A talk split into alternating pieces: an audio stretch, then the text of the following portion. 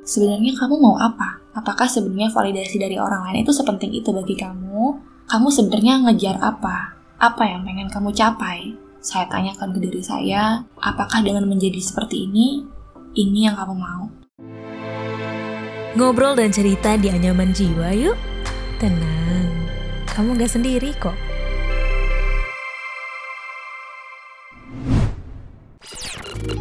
Dengarkan percakapan Wisnu Nugroho, jurnalis dan pemimpin redaksi Kompas.com dengan tokoh-tokoh yang menggulati hidup dengan gigih, serta kisah tentang pengalaman berkesadaran yang menggugah hati. Hanya di podcast Beginu, bukan begini, bukan begitu. Halo, saya Rizka Naila Nahdah, teman manusia asa. Podcast Anya Menjiwa Episode kali ini berbeda dari episode sebelumnya. Aku akan bercerita tentang perjalanan hidup yang pernah mengalami atau berada di tahap FOMO atau disebut Fear of Missing Out. Sebelum mendengarkan obrolan kali ini, jangan lupa follow dan beri rating terbaikmu untuk podcast Hanya Menjiwa di Spotify. Serta nyalakan notifikasinya ya, supaya kamu bisa terinfo setiap ada episode terbaru yang tayang di hari Rabu dan Jumat. Di episode sebelumnya sudah dijelaskan Fear of Missing Out dengan Ibu Astrid, psikolog klinis. Kamu boleh dengarkan episode sebelumnya dengan penjelasan dari pakarnya langsung.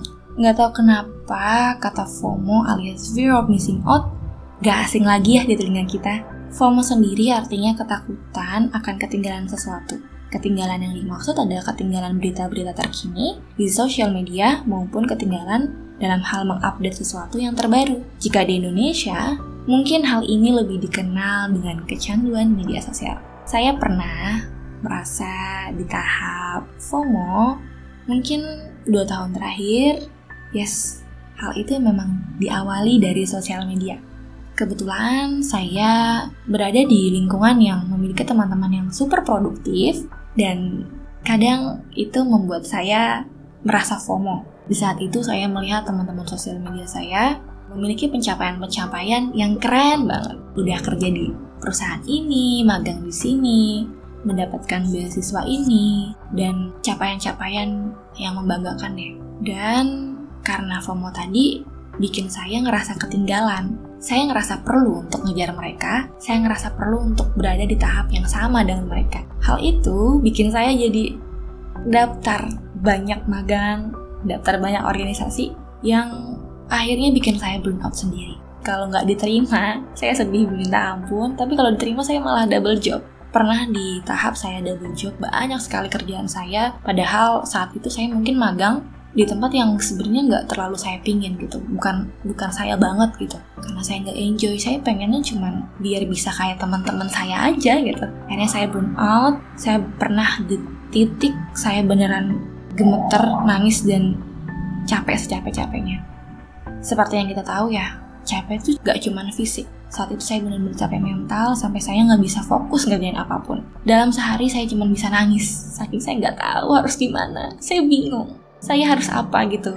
Dan itu pelan-pelan menghilangkan diri saya dan saat itu saya nggak tahu saya ke mana dan saya siapa. Kemudian waktu saya menghadapi FOMO tersebut, saya mencoba berbicara kembali, berkoneksi kembali, dan berhubung lebih intens lagi ke diri saya sendiri dengan pertanyaan-pertanyaan mendasar. Sebenarnya kamu mau apa? Apakah sebenarnya validasi dari orang lain itu sepenting itu bagi kamu?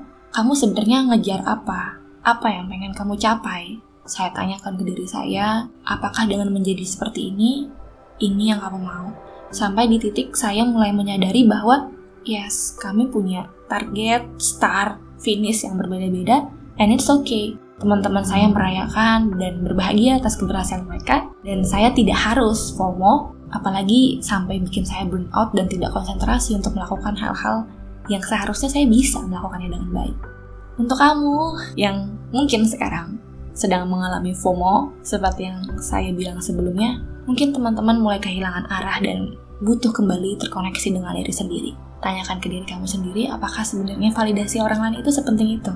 Apakah sebenarnya dengan cukup menjadi diri kamu sendiri, itu masih kurang bagi kamu? Dan yes, terkoneksi dengan diri sendiri itu lebih sulit dengan terkoneksi dengan orang lain. Tujuan aku cerita karena kamu gak sendirian. Ada aku dan teman lainnya yang sedang berjuang untuk kesehatan mental. Kamu harus semangat ya. Terima kasih buat kamu yang sudah mendengar episode Hanya Menjiwa kali ini, dan terima kasih juga mau mendengarkan saya. Kalau kamu ingin curhat, jangan sungkan, kirim aja ke podcast at kgmedia.id dan DM di sosial media at medio by KG Media atau Sonora FM 92 dan follow Instagram Manusia Asa di @manusiasa.id. Saya Rizka Nahda dari teman Manusia Asa. Ditunggu episode yang lainnya. Terima kasih. Yah, udah selesai episode kali ini. Tungguin episode Anyaman Jiwa selanjutnya ya.